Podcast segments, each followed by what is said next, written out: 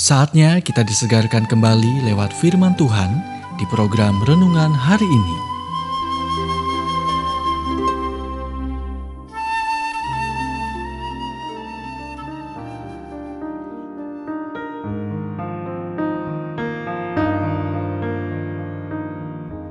Renungan hari ini berjudul Pikirkan lebih banyak tentang orang lain bagian ketiga. Nats firman Tuhan diambil dari 1 Korintus 10 ayat 33. Bukan untuk kepentingan diriku, tetapi untuk kepentingan orang banyak.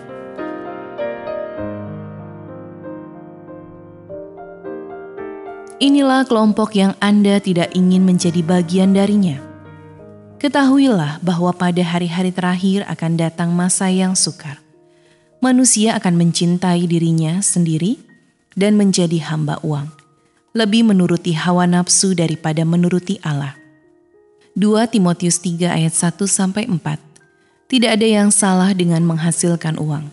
Memang jika Anda menghormati Tuhan, Dia akan membantu Anda membuatnya lebih banyak.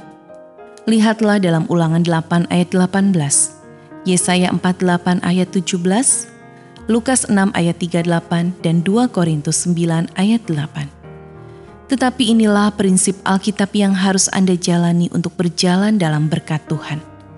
Ketika Anda memiliki cukup uang untuk memenuhi kebutuhan Anda sendiri, Anda harus bersedia untuk mengatakan ya kepada Tuhan ketika Dia meminta Anda untuk memenuhi kebutuhan orang lain.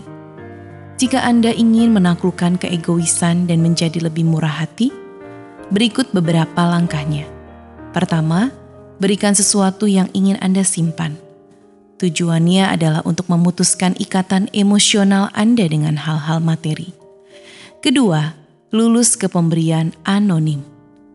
Berilah orang yang membutuhkan seperti warga lanjut usia, pelajar, atau orang tua tunggal hadiah uang tunai dalam amplop jangan mencantumkan nama Anda di atasnya, dan jangan beritahu siapa pun bahwa Anda melakukannya.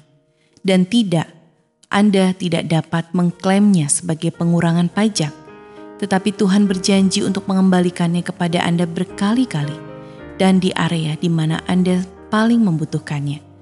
Lihatlah Galatia 6 ayat 7.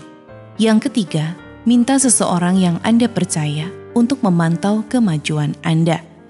Temui mereka sepanjang tahun dan undang mereka untuk tidak menanyakan berapa banyak uang yang Anda hasilkan, tetapi berapa banyak yang telah Anda berikan untuk membantu orang lain.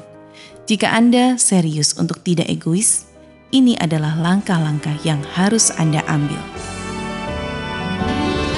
Anda baru saja mendengarkan renungan hari ini.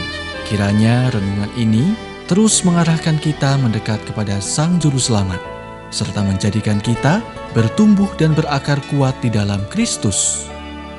Bila Anda diberkati, berikan kesaksian Anda melalui WhatsApp di 0817 222 959 atau jika Anda ingin memiliki buku renungan hari ini, Anda bisa dapatkan di Radio Suara Gerasi FM, Jalan Setiabudi 31 Cirebon. Dengar dan lakukan firman Tuhan maka hidupmu akan selalu berkemenangan. Tuhan memberkati.